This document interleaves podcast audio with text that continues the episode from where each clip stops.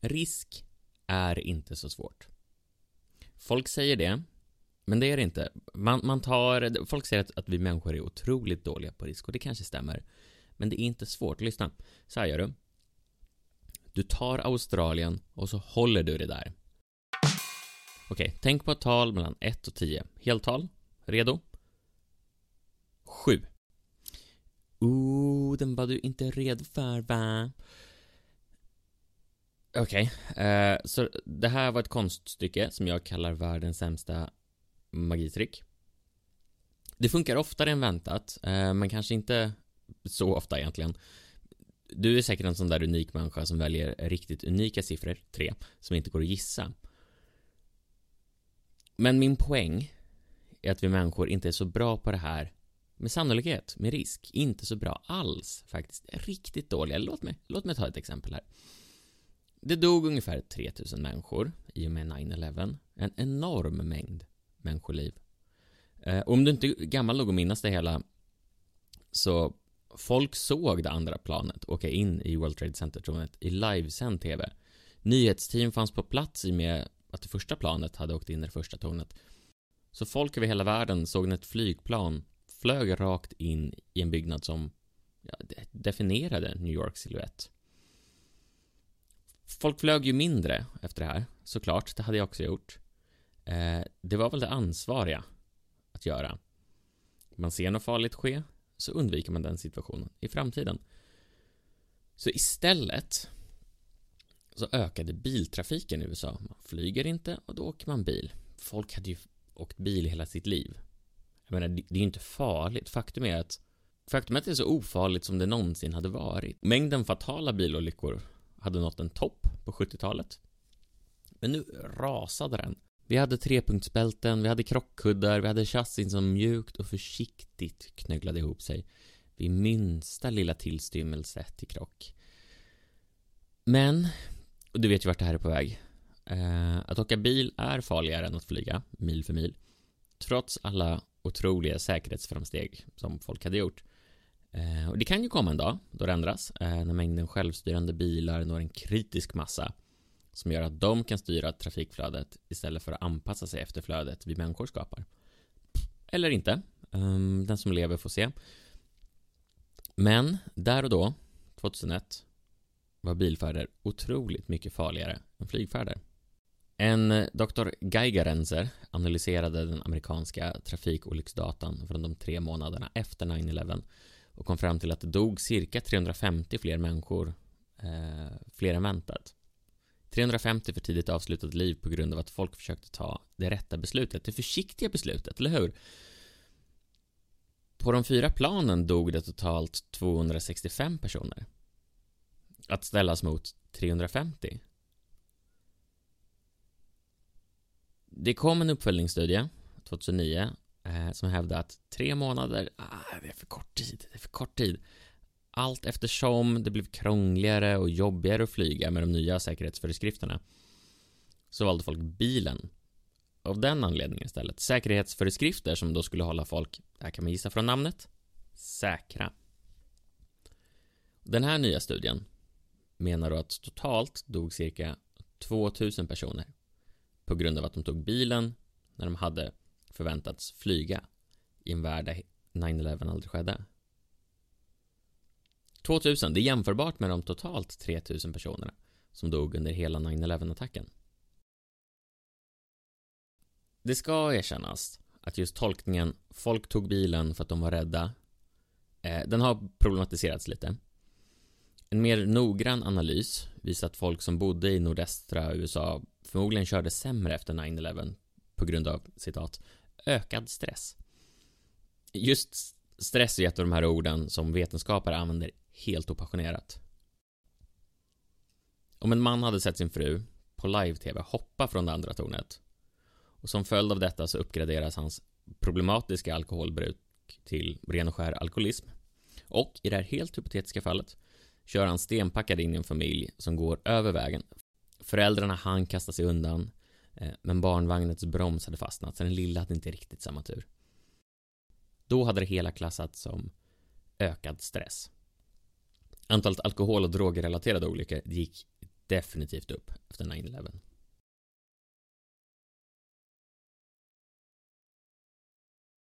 Okej, okay, så en lite roligare felbedömd risk fick en flygrelaterad konsekvens. 1 januari 1999. Det var helt omöjligt att få tag på en taxi från Arlanda just den dagen. Alla Taxi Swedens bilar blev väldigt snabbt indragna. För taxametern tappade helt plötsligt all rim och reson från ingenstans. I alla deras bilar. Samtidigt. Vi har inte kommit till botten med det än. Prissättningen gick ur proportion. Det blev extremt billigt att ta en taxiresa med Taxi Sweden, sa Anders Malmqvist, managing director. Okej, okay, så det man tror hände, så här i efterhand, var att mjukvaran i taxibilarna räknar ut dagens datum genom att börja vid nästa årsskifte och sen räkna bakåt. Så det här var 1999. Nästa årsskifte var 2000. Ja, Y2K, millenniebuggen start, startade ett år tidigt. Så okej, okay, varför räknar de ut dagens datum genom att räkna baklänges? Jo, det har jag ingen aning om. Det känns ju inte som ett bra designbeslut. Jag minns fortfarande det här nyåret, eh, tror jag. Det skulle kunna vara ett annat nyår jag minns. Eh, som nu har tagit millennieskiftets plats. Jag var nio. Vi var ute hos min farbror, vi stod på den iskalla trädgården. Vi var beredda på att titta på förverkerierna vid tolvslaget. Som att de inte redan hade pågått till och från i ett par timmar nu. En ebb och flodcykel i explosioner och färg som nu växte i intensitet allt eftersom tolvslaget närmade sig. Jag minns känslan av att något kanske skulle hända. Det, det fanns något som de vuxna pratade om. Ingen var orolig. Inget skulle hända, såklart. Det var bara något man pratade om. Sin icke-oro. Det är ett vanligt ämne när man inte är oroad. Eh, att prata om hur inte oroad jag är. Vuxna är underliga på det sättet, tänkte jag kanske. Jag kan ha hört något om flygplan och falla ur skyn. Men det, det kan ju också vara en efterkonstruktion, eh, jag minns inte riktigt. Men inget hände. Det var kallt, det var högljutt. Och det fanns en oro att någon skulle gå fel med fyrverkeriet. Eh, som dränkte oron för det som ingen oroades för. Det som ingen oroades för. Sen var det över. Nytt millennium. Hej heja. Det här är den perfekta stormen för en felbedömning av risk hos oss människor. Y2K kunde gått illa. Det kunde varit apokalyptiskt. civilisationsförändrande.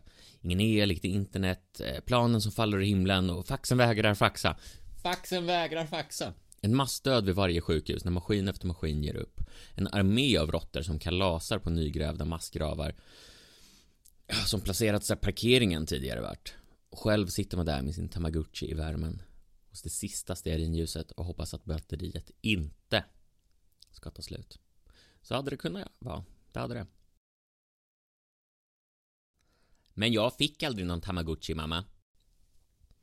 Eh, om något är väldigt, väldigt hemskt, då lägger vi mer möda på att undvika hemskheten.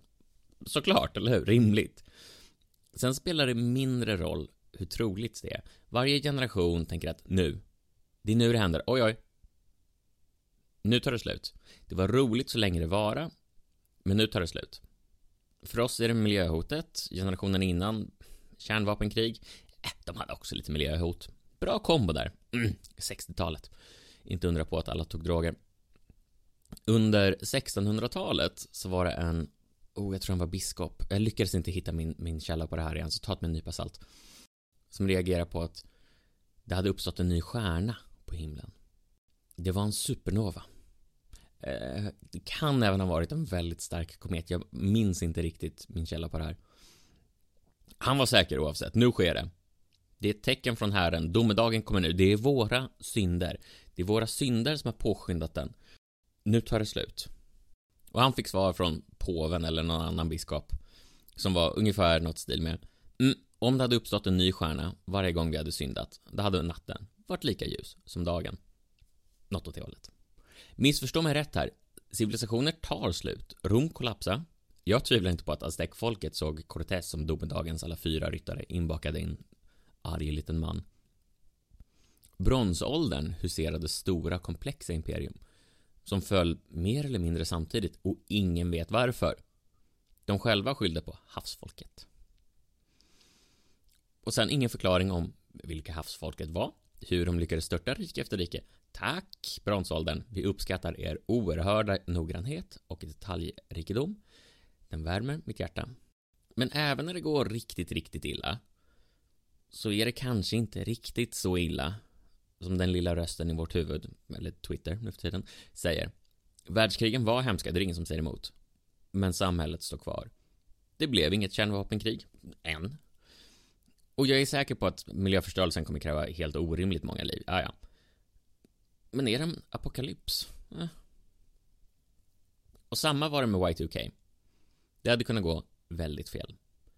För mig som programmerare nu, år 2022, 2023 om du lyssnar i framtiden, hej hej, eh, så är det inte helt klart varför inget gick fel. Och varje gång någon använde två siffror i sin kod för att spara ett år, då skulle det kunna uppstå en bugg. Och man vet aldrig hur långt en bugg hinner sprida sig i ett system. Du kanske nu tycker att det är ett oerhört konstigt sätt att spara siffror i en dator. Datorer använder bas 2, inte bas 10. Varför skulle man spara en siffra så? Oh, vänta du bara, så ska du få höra dumma sätt att spara datum. Uh, ja, men Y2K gick bra. Riktigt bra faktiskt. Mångt och mycket för att många såg till att det gick bra. Y2K hade kunnat vara mycket sämre om inte en mindre armé av programmerare hade framtidssäkrat sina system.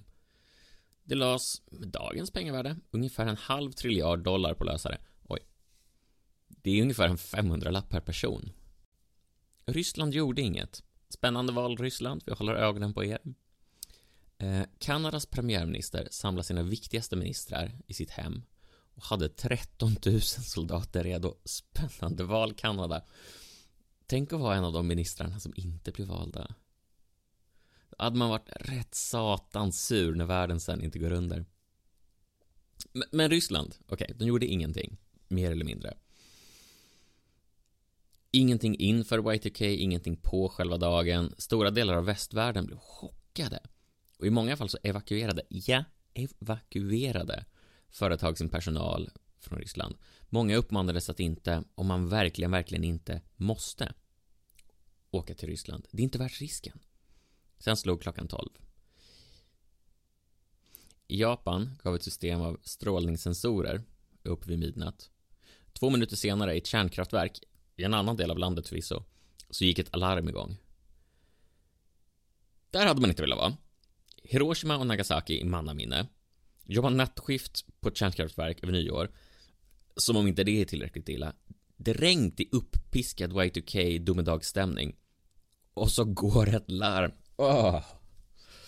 Eh, men det gick bra, det gick bra. Det var själva larmet det var fel på. Och i Ryssland hände ingenting. Bäst jag kunde hitta. Ingenting värt eh, att rapportera.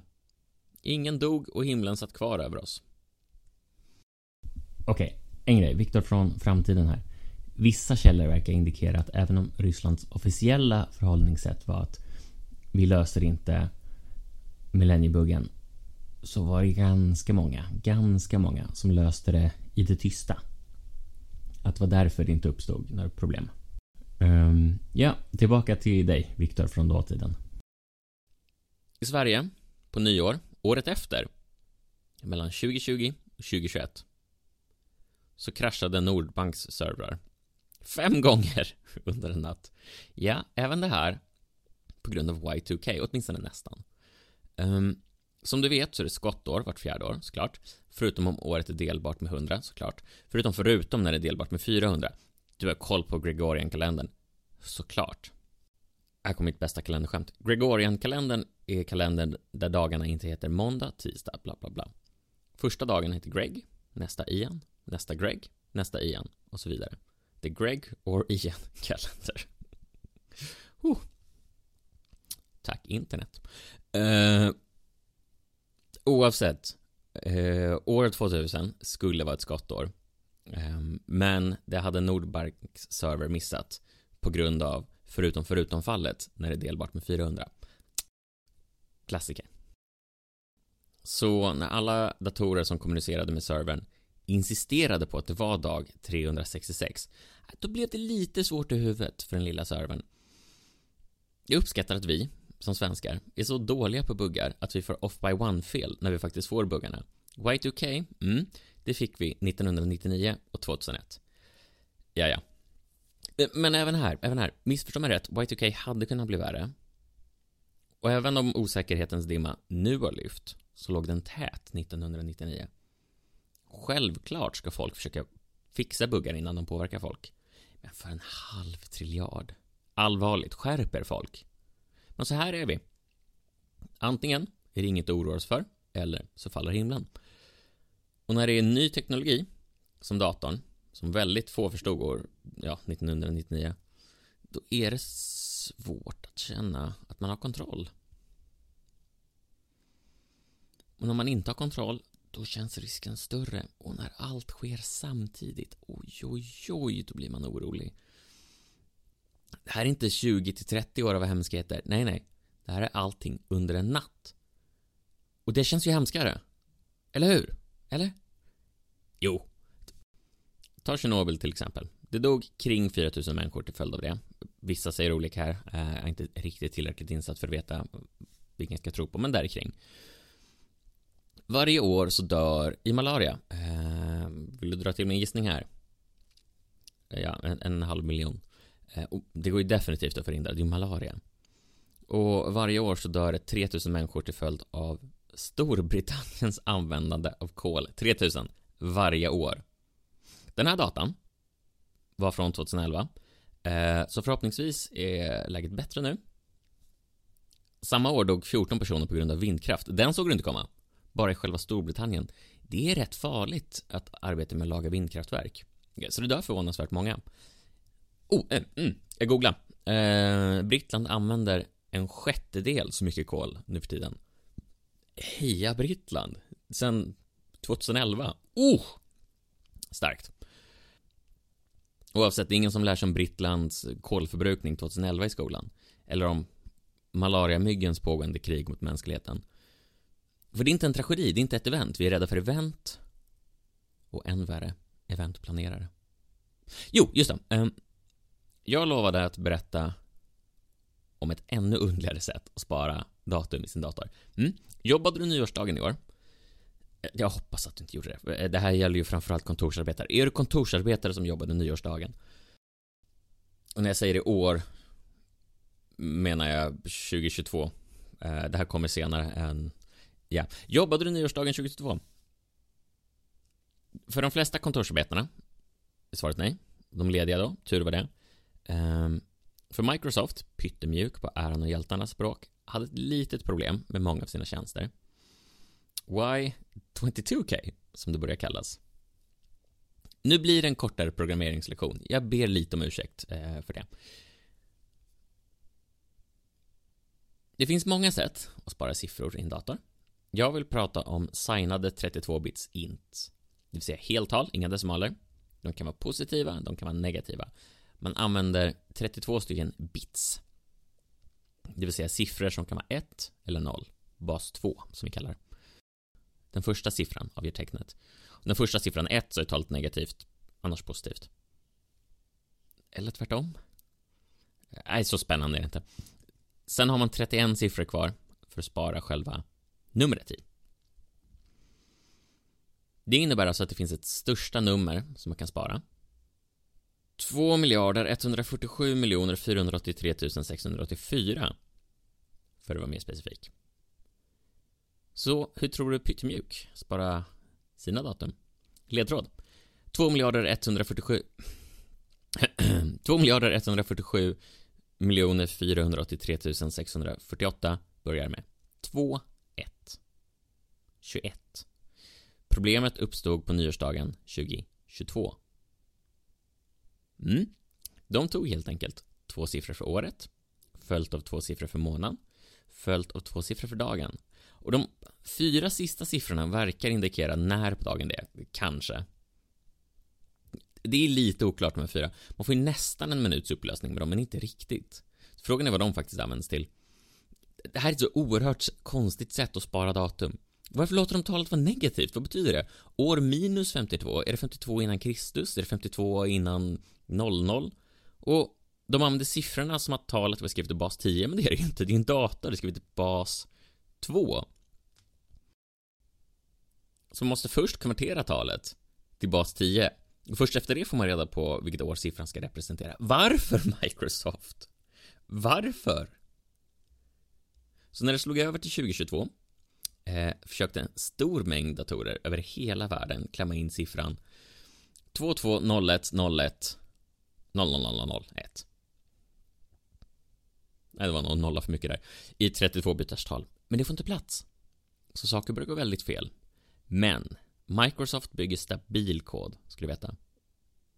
Labil kod. Det är en av de två. Så bara för att det börjar kastas felmeddelanden åt höger och vänster betyder det inte att hela servrar går ner. Nej, nej. Nej, nej. Det betyder att när ett meddelande skickas så uppstod ett fel. Mm, tänkte Microsofts malware detektor. Ett virus. Lägg den i kön så tittar vi på den sen. Köerna blev väldigt långa. Inga meddelanden kom fram. Alla la sig de väldigt, väldigt långa köerna. Men det blev ingen krasch. Det blev ingen krasch. Pyttemycket koll. Sen när kön blev längre än, eh, ja du vet, hela serverns minne. Okej, då. Då börjar saker krascha. Helt spektakulärt. Microsoft fixade såklart problemet snabbare än du hinner säga integer overflow. Och sen var det bara att uppdatera mjukvaran. Ingen fara på taket. Okej, vi hinner med ett, ett, ett, ett, ett sista sätt att misslyckas med kalendrar innan vi återgår till vad nu det här avsnittet tror att det handlar om. Risk? Vad, vad har jag sagt? Ah, vi får se. Okej. Har du spelat Stanley Parable? Supertrevligt spel. Supertrevligt spel. Väldigt kort. Man är fast. Fast framför en skärm. Man sitter vid ett keyboard i ett kontor och man måste ta sig ut. Eh, så man följer spelets instruktioner. Berättarrösten berättar vart man ska. Man följer. Man följer. Jag klickar på hoppknappen. Ingenting hände. Du fick en trofé! Du kan inte hoppa, sa trofén. Men bra att du försöker. Okej. Okay. Det är den typen av spel, tänkte jag. Sen fick jag ännu en. Du fick din första trofé, trofén. Okej. Okay. Tack. Uh, den typen av spel. Och så kommer man ut. Frihet. Bra, säger spelet. Vad duktig du är. Väldigt positivt. Det är lite för mycket. Det är, åh, vad duktig du är. Hela spelet känns... Jag vet inte riktigt vad ordet jag söker efter det. Um, för berättarrösten är artig, den är trevlig, åtminstone till början. Men hela spelet känns sarkastiskt. Som att det hånar en med hur lätt det är. Vad duktig du är. Sen så här, 15 minuter in så var det slut. Man klarar det. Man får en trofé. Du klarade spelet trofén. Woo! Duktig du är. Okej, och det var då jag öppnade listan eh, med troféer som spelet kan ge. Quit the game and then start again. Trofén. Mhm, mm jaha, okej. Okay. Starta om spelet. Du har fått en ny trofé. Woo! Ja, ja. Okej, okay, vad mer? Spela spelet under en hel tisdag-trofén. Ah. Spela inte spelet på fem år-trofén. Mhm. Mm Spela inte spelet på tio år-trofén. Vad är det här för spel egentligen? Det är en fråga jag inte tänker svara på. Eh, ta och spela spelet. Det är kort, det är gammalt, det är billigt. Stanley Parable. Det jag tänker svara på är exakt hur man inte ska fuska i det här spelet. Jag skulle aldrig fuska. Jag vill ha spela inte spelet på 10 år-trofén. Så jag väntar. Eh, jag har väntat i åtta år nu. Två kvar. Alla är inte riktigt lika tålmodiga. En stackars människa som kallar sig Bug. Väldigt bra namn. Oh, det är, är mer foreshadowing på det här än Lady Di. Bug spelade spelet tidigare i år. Bra spel, tänkte Bug. Dags att skaffa alla troféer. Men man kan ju inte vänta i tio år. Det är ju helt orimligt. Så den här stackars, stackars människan stängde av NTP på sin dator. Network Time Protocol. Det är en konstant fröken ur för datorn, eh, som alltid hör av sig till internet och kollar vad klockan är. Sen hackade Bug klockan på datorn. Nu var det 2030. Japp, Anno Domini 2030. The future is now, old man. Öppna spelet. Mm, du fick en trofé. Yes, okej, okay, bra. Dags för nästa. Så, Här hade Bug kunnat skriva 2032. Det här skedde förra året. Personen hade redan fått sin Du spelar inte spelet på fem år trofén. Det är bara att lägga på ett par år till. Okej? Okay? Så kommer man upp till tio år. Det hade gått bra. Men nej, det var för svårt med huvudräkning. Så året som skrevs 2040. Det är bara en liten avrundning. Vad spelar det för roll? Jo, 2040 är efter den 19 januari 2038. Den 19 januari 2038 kommer vi ha vår nästa Y2K. Köp toalettpapper, ravioli på konserv och hagelgevär, för nu faller himlen igen.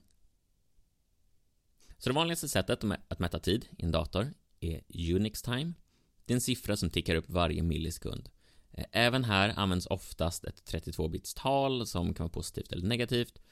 Eh, År 0 betyder nyår 1970. Varför just 1970? Varför inte? Något datum måste det vara, så det blev 1970.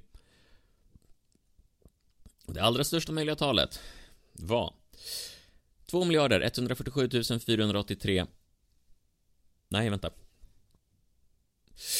2 miljarder 147 miljoner 483 648. Ja, den gamla klasken igen.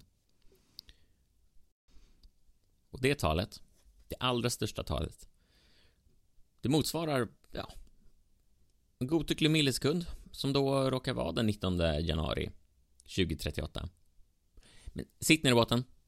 Det kommer gå bra. Kanske. Här har vi en risk. Nästan alla moderna system använder 64 bits nu för tiden. Och då skjuter vi på problemet en smula. Det är bara ett problem om man använder 32 bits. Och vi skjuter på problemet i, oj, eh, 292 miljoner år, för att vara specifik. Så då får det ändå ses som någon annans problem. Man skulle till och med, om man är lite oförsiktig, kunna se problemet som löst då. Men, men okej. Okay. Det är bara när eh, alla använder 64 bits. Så, så vi kan inte ignorera problemet helt och fullt än. Ja, himlen faller inte, men det finns fortfarande vissa system som kör 32 bits där ute i världen. Så om du jobbar som kodare i ett system som verkligen inte får ligga nere en längre tid, eh, självstyrande bilar, sjukhussystem, du vet, plan, kolla igenom koden lite snabbt bara.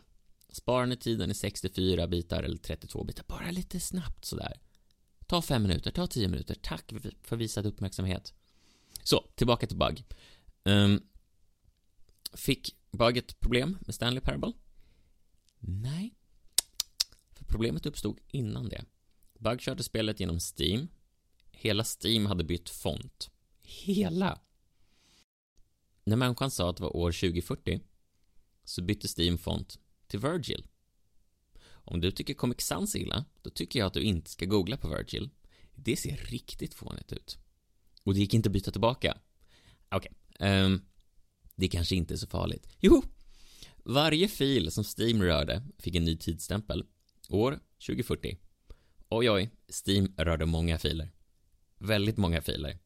En av dem råkar vara vilken fil som styrde vilken font som skulle användas. Det gick att lösa. Det gick att lösa. Med en stor mängd terminaljudo som jag inte ska påstå mig förstå. Men hörru du, eh, glöm inte att kolla din kod nu. Eh, om du inte har någon kod att kolla, fråga din nördigaste vän om den människan har en kod att kolla. Låt oss undvika Virgil.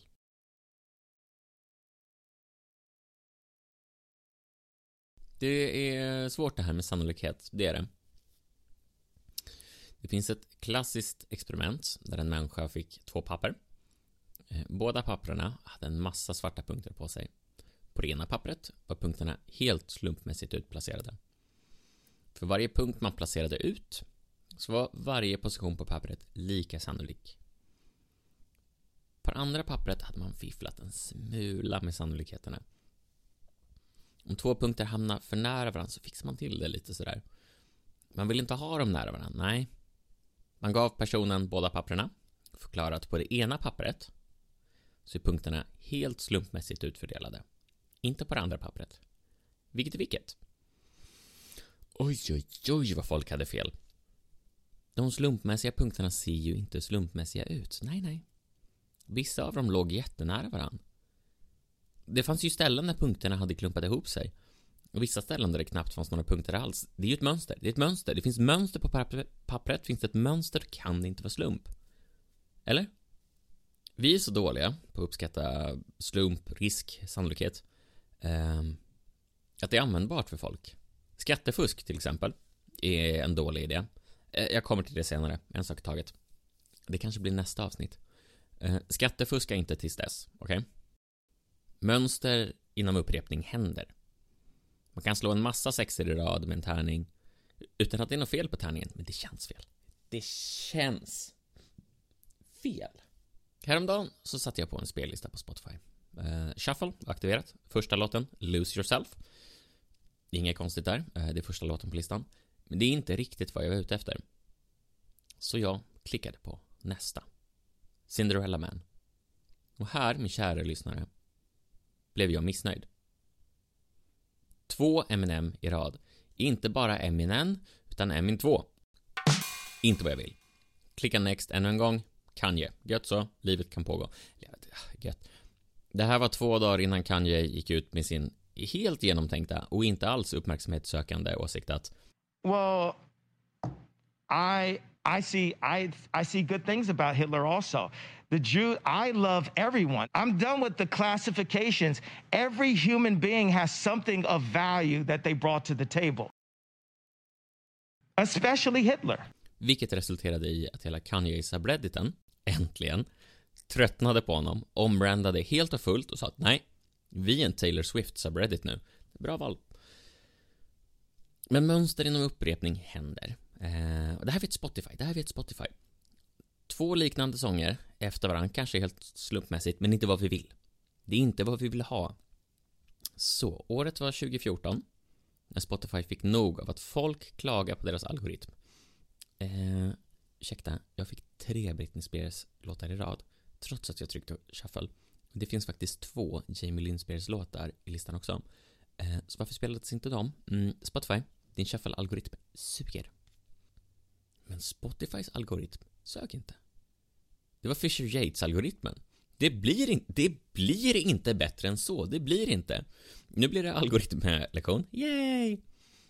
Du har en lista. Du vill shuffla om ordningen av sångerna i listan. Så du tar sången som ligger på sista plats i listan. Du byter plats med den och någon slumpmässigt vald låt. Sen tar du sången som nu ligger näst sist i listan.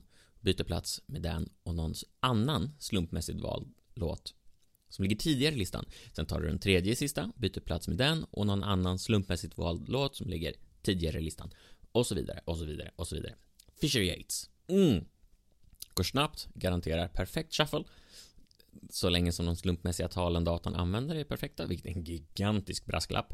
Eh, som vi inte har tid för idag. Nej. Kanske senare, vi får se. Men okej. Okay. Okej, okay, tänkte Spotify. Vad vet eh, Fisher och Yates om Tasty Tunes? Inget. Så de skrev ihop sin egna shuffle-algoritm.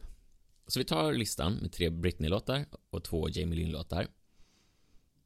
Det Spotify gjorde var att de separerade systrarna Spears. Bra val, ärligt talat. Deras relation verkar inte vara helt hälsosam. Lite avstånd skulle göra dem båda gott. Och så shufflade de alla Britneys låtar separat och alla Jamie Lynns låtar separat. Än så länge, med den eh, goa gamla Fisher Yates shufflen, jaja. Men sen, och här kommer det smarta, kombinerade de ihop Jamie Lynns shufflade låtar med Britneys shufflade låtar. Och de kombinerade ihop dem på ett sätt som minimerade risken att två Britney-låtar skulle komma efter varandra. Mycket trevligt, alla nöjda. Jag nöjd, definitivt. De skrev ihop en bloggpost eh, som jag minns att jag läste ah, 2014, 2015 och tänkte mm, smart spottan. Där har ni allt nå. Bra användande av algoritmer. Det skrevs artiklar om det i The Tab, How to Geek, Medium.com. Det, det, var en tillräckligt spännande, lätt användbar algoritm för att rätt många skulle vara intresserade. Vilket säger något, för trot eller ej men folk har en tendens att inte vara intresserade av detaljerna av olika algoritmer. Konstigt. Konstigt. Men den här funkar. Eh, det fanns färgglada bilder och allt. Så. Tror du Spotifys användare var nöjda? Vet du? Jag tror faktiskt det. Jag tror att de var det i ett par år. Men sen hände något. Okej, foliehatt på. Uh, nu kommer det lite konspirationsteori här. Daniel Ek, om du lyssnar. Eh, snälla stäm inte. Gör något bättre av din tid. Ta och försök köpa Arsenal igen. Det gick ju så bra förra gången. Eh, uh, I ögonblick som detta, man ångrar att podden är på svenska. Hade den varit på klingon så hade det inte varit något problem.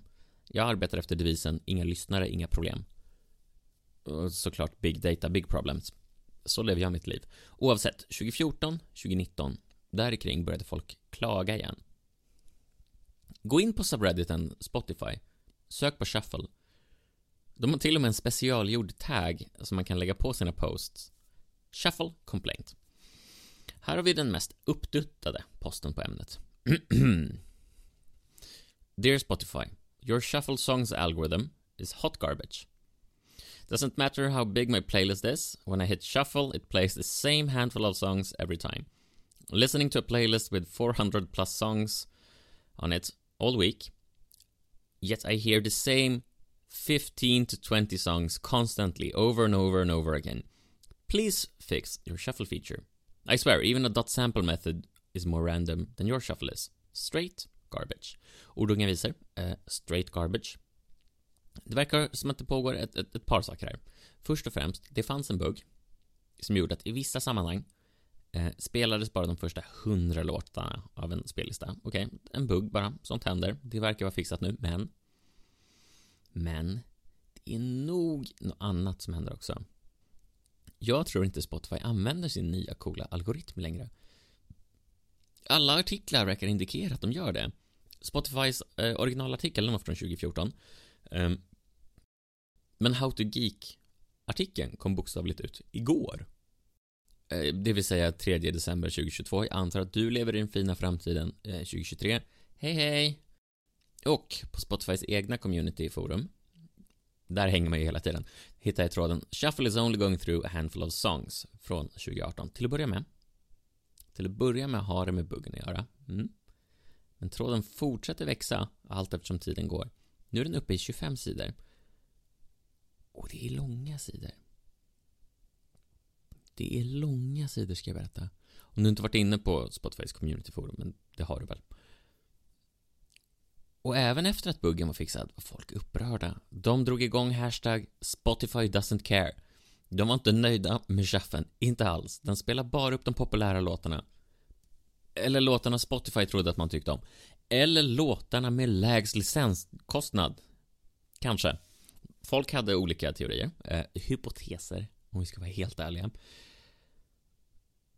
Men de var gemensamma i vad de ville. De ville ha en riktigt slumpmässig shuffle eller så ville de att man skulle kunna kontrollera hur shufflad en shuffle var. Eller så ville de att shufflen inte skulle bry sig om genre. Eller så skulle de komma ihåg allt man hade lyssnat på de senaste 90 dagarna. Okej, de visste inte alls vad de ville. De hade inte en jävla aning, men det vi har nu är straight garbage och någon måste fixa det. Det var det viktiga. Till exempel den här, 2020. I have a playlist with a mix of styles, for example rock and classical. If I play shuffle, it's because I want to play a mix of tracks for variety. But no, no, if I start shuffle on a classical track, it only shuffles among classical tracks. If I start on a rock track, plays only rock tracks. Basically, it's trying to second guess me. It's horrible. I know what I want. I wanted to randomly play tracks from the playlist without any effort to categorize them. I was able to write a program to do this after about three weeks and I started to study coding in school. It isn't hard. Det finns många inlägg eh, om hur en äkta shuffle, en Fisher Yates, inte är svår att koda. Min favorit är den här. This is definitely an ongoing issue. Please, please, please just implement a normal shuffle algorithm. This is literally all you have to do. Följt av den mest ineffektiva Python-kod jag har sett på år och dagar. Blott nio rader lång. Eh, ändå lyckades den med konststycket ha en massa onödig kod som kan klippas bort. Och plus att den var betydligt långsammare än den behöver vara. Den skulle funka. Den skulle funka, absolut. Här har vi min favoritteori. It's actually getting better if you do not have premium. So I guess I'm actually cancelling my subscription. I just heard the same song shuffled three times in between 10 songs. Just fix your bleep. Det är inte jag som, som, som blipar där, utan de har skrivit bleep. Eh, eller så är det communityt som automatiskt blipar. Skulle kunna vara. Ja, där hör ni det. Spotify har två algoritmer och om du betalar får du en sämre. men, men, men, men, men även jag fick ju två M&M's på rad. Kan sånt hända med Spotifys fancy shuffle-algoritm? Kanske. Kanske. De är lite vaga eh, på ett par detaljer kring implementationen i sin bloggpost. Det är rimligt ändå. Det är deras IP. Jag är glad att de skrev ihop bloggposten överhuvudtaget. Ärligt talat. Jag tar smulorna från deras bord. Men jag, jag tänkte på det här. Och ju mer och ju mer jag tänkte, desto mindre verkade det rimligt. För det var så många som var så arga. Och jag förstår att folk på internet alltid är arga och man hamnar i en echo chamber så känns det som att alla är arga. Men det var så många superusers som var så arga på just det här. Och jag förstår att på det stora hela, de flesta vill inte ha en Fisher Yates shuffle. Jag menar, jag vill ju inte ha två M&M's på rad. Men det man hade kunnat göra, Spotify, utan större kostnad, var att implementera Fisher Yates. Bara ett par rader så. Och sen långt ner i inställningarna, långt ner, kan man gå in och välja vilken typ av shuffle man vill ha. Vill man ha perfekt shuffle eller vill man ha Spotifys shuffle? Så då alla som är missnöjda kan gå in och byta. De kan byta till Fisher Yates. Men så är det inte. Jag förstod inte varför Spotify inte valde den här lätta lösningen. Så här börjar jag tänka lite konspiratoriskt. Det ska jag kännas. Nu, foliehatten är fortfarande på va? Här börjar jag tänka att det kan vara någon algoritm som har gått lite fel. Sure. Det kan vara att folk såg buggen och tänkte att Spotify har gjort något med flit. Mm, sure, sure, men även när buggen var fixad och allt det där. Så den hypotesen som jag började tro mest på ett litet tag, bara ett litet tag, var just den här licenshypotesen. Att de fortsätter med låtarna som är billigast att spela upp. Nu är inget bevis för det. Snälla stäm inte. Snälla stäm inte. Eh, det här ska ju faktiskt föreställa en vetenskapspodd. Okej? Okay? Dags för empiri. Lita på ingen, för alla har fel. Så där satt jag igår, eh, kring midnatt, och försökte skriva manus till det här avsnittet.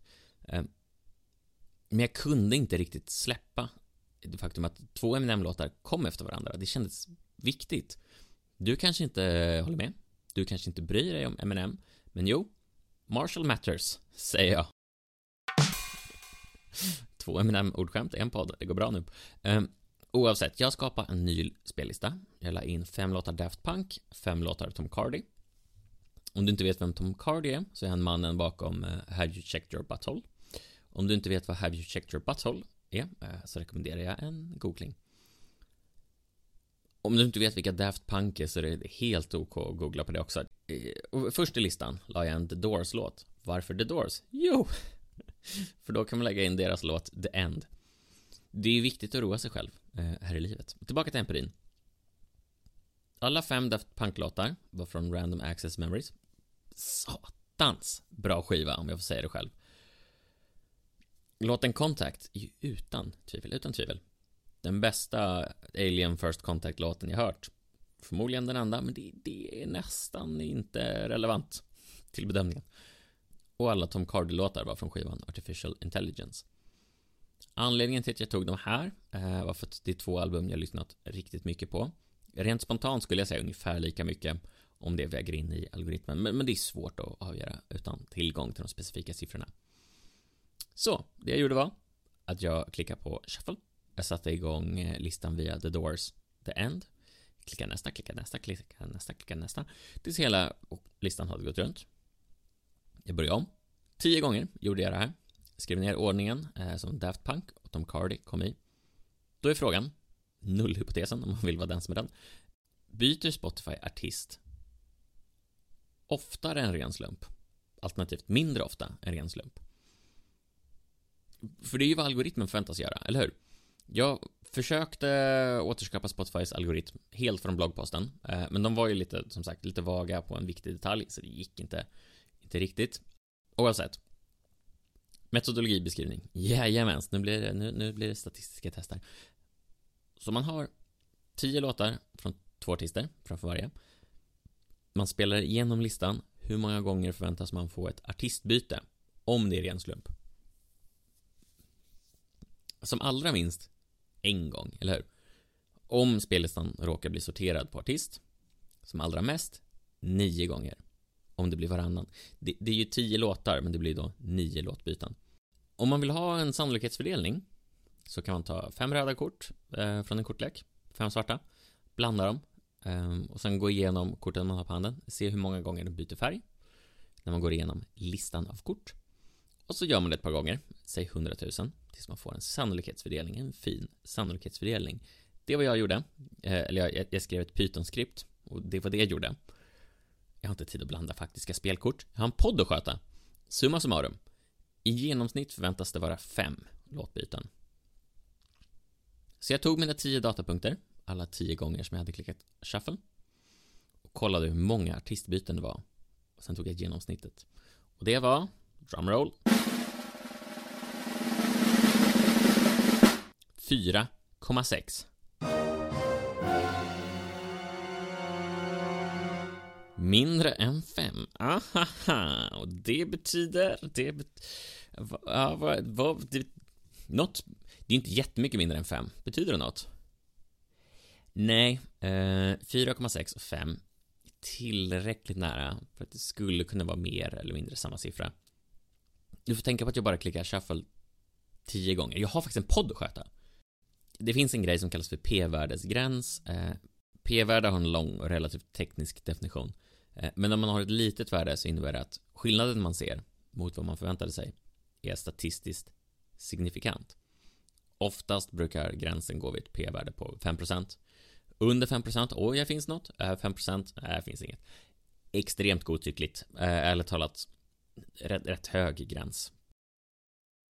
Skillnaden jag fick mellan 4,6 och 5 hade ett p-värde på 37%. Superstort. Ingen statistisk signifikans. Så vad lär vi oss av det här? Antingen så har jag för lite data eh, eller så har något stort skett på Spotify. Har Spotify faktiskt lyssnat på lyssnarna? Alla frågar vem som polis är polisen, men ingen frågar vem som lyssnar på lyssnarna. Svaret är Spotify. Spotify har nu en helt random shuffle-algoritm. Äntligen! Äntligen! Eller som sagt så har jag för lite data, så jag körde igen. Oj, oj, jag körde igen ska du tro. Sent på natten, det var fortfarande, ja det förra var mitt eh, i natten kring midnatt, så undrar om klockan var ett eller något sånt här. Igår. Borde sova. Dygnsrytm är viktigt. Spotifys shuffle-algoritm är viktigare. Så jag skapar en ny lista. Tio nya låtar. Här gjorde jag en liten ändring. Eh, fem låtar var Bob Marley, som jag aldrig någonsin har lyssnat på. Fem var Panic at the Disco, eh, som blev en av mina mest spelade på Spotify Wrapped. Eh, ja, nu när jag skriver det här manuset så, så är jag också 2023. Hej, hej. Döm inte va? Det är inget fel Panic at the Disco. Förutom den gången det råkade skapa lite panik inom kosmologin. Eh, marginell tangent, jag återkommer. James Webb-teleskopet känner du till såklart. Det skickades upp relativt nyligen. Det tar superfina bilder. Man kan titta långt bak i tiden. Eller ja, man kan titta på ljus som har färdats väldigt länge åtminstone. Man hittade tydliga diskar som ser ut som galaxer, galaxdiskar.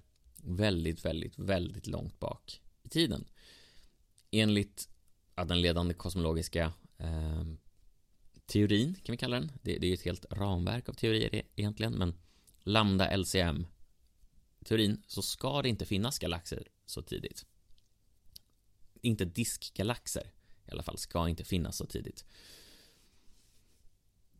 Så de första som såg det här, och det här var något man hade sett lite tidigare Eh, men nu fick man betydligt mer vatten på sin kvarn och betydligt starkare data från James Webb-teleskopet. Och de första som såg det, de valde den um,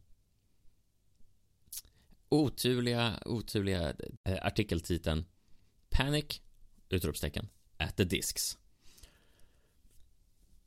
Vilket är kul, eller hur? Det är en referens till ett skämt. Folk fattar. Det var väldigt många vetenskapsjournalister som inte fattade, som inte kände till Panic at the Disco. De är tydligen inte så stora som folk tror. Och därför såg att första ordet är panik! Utropstecken. Så här skriver vetenskapare aldrig. Oj, oj, nu har något hänt. Oj, oj, nu har något hänt. Um, var var vi någonstans? Jo, uh, nytt experiment. Uh, den här gången klickar jag inte shuffle tio gånger. Nej, nej. Den här gången med en oerhörd brist. En oerhörd brist på respekten mot min egen tid. Den här gången klickar jag vårdslös och bekymmersfri på shuffle 50. Jag repeterar 50 gånger. Ja, ja. Eh, jag upptäckte även om man klickar på Q-knappen så kan man se hela listan shufflad utan att klicka next. Eh, du vet, 500 gånger. Så jag körde samma test som förut. Förut fick vi 4,6 artistbyten i genomsnitt. 5 var förväntat. Den här gången, med ännu mer data, big data, big problems, fick vi 5,04. Oj, oj, oj. Mer spot on än så blir det inte. Ett p-värde på 59,5%. Oj, oj, oj, oj, oj. Jag vågar nu säga att jag inte längre tror att Spotify använder deras problematiska shuffle-algoritm ja, problematisk-problematisk. Jag måste säga att eh, algoritmen de beskrev i bloggposten var rätt briljant. Men efter det, om vi ska tro på alla fruktansvärt upprörda människor på internet, då kom en period av mörker, en period av förvirring, en period av desperata tips om man behöver inte använda shuffle-knappen. Man kan få en bättre shuffle genom att sortera på låtnamnen. Oh, ho, ho, ho, ho. oh sånt mörker. Sånt algoritmiskt mörker. Men nu, lyss på mitt ord, kära lyssnare. Ljuset är här. Spotify har lyssnat. Fräls var i Spotify, lyssnarnas lyssnare. Fast i och för sig, jag bara testar på korta listor. Hmm. Nej. Nej. Nej. Jag har lagt för mycket tid på det här. Som alltid vill jag tacka herr civilingenjör John Rickard Brynte Turesson, den första, för den finfina coverarten. Och jag, er eviga följeslagare i den vetenskapliga historien, har varit Viktor Vase, matematiker och algoritmutvecklare. Eller, för att använda min tekniska titel, Mathemagician.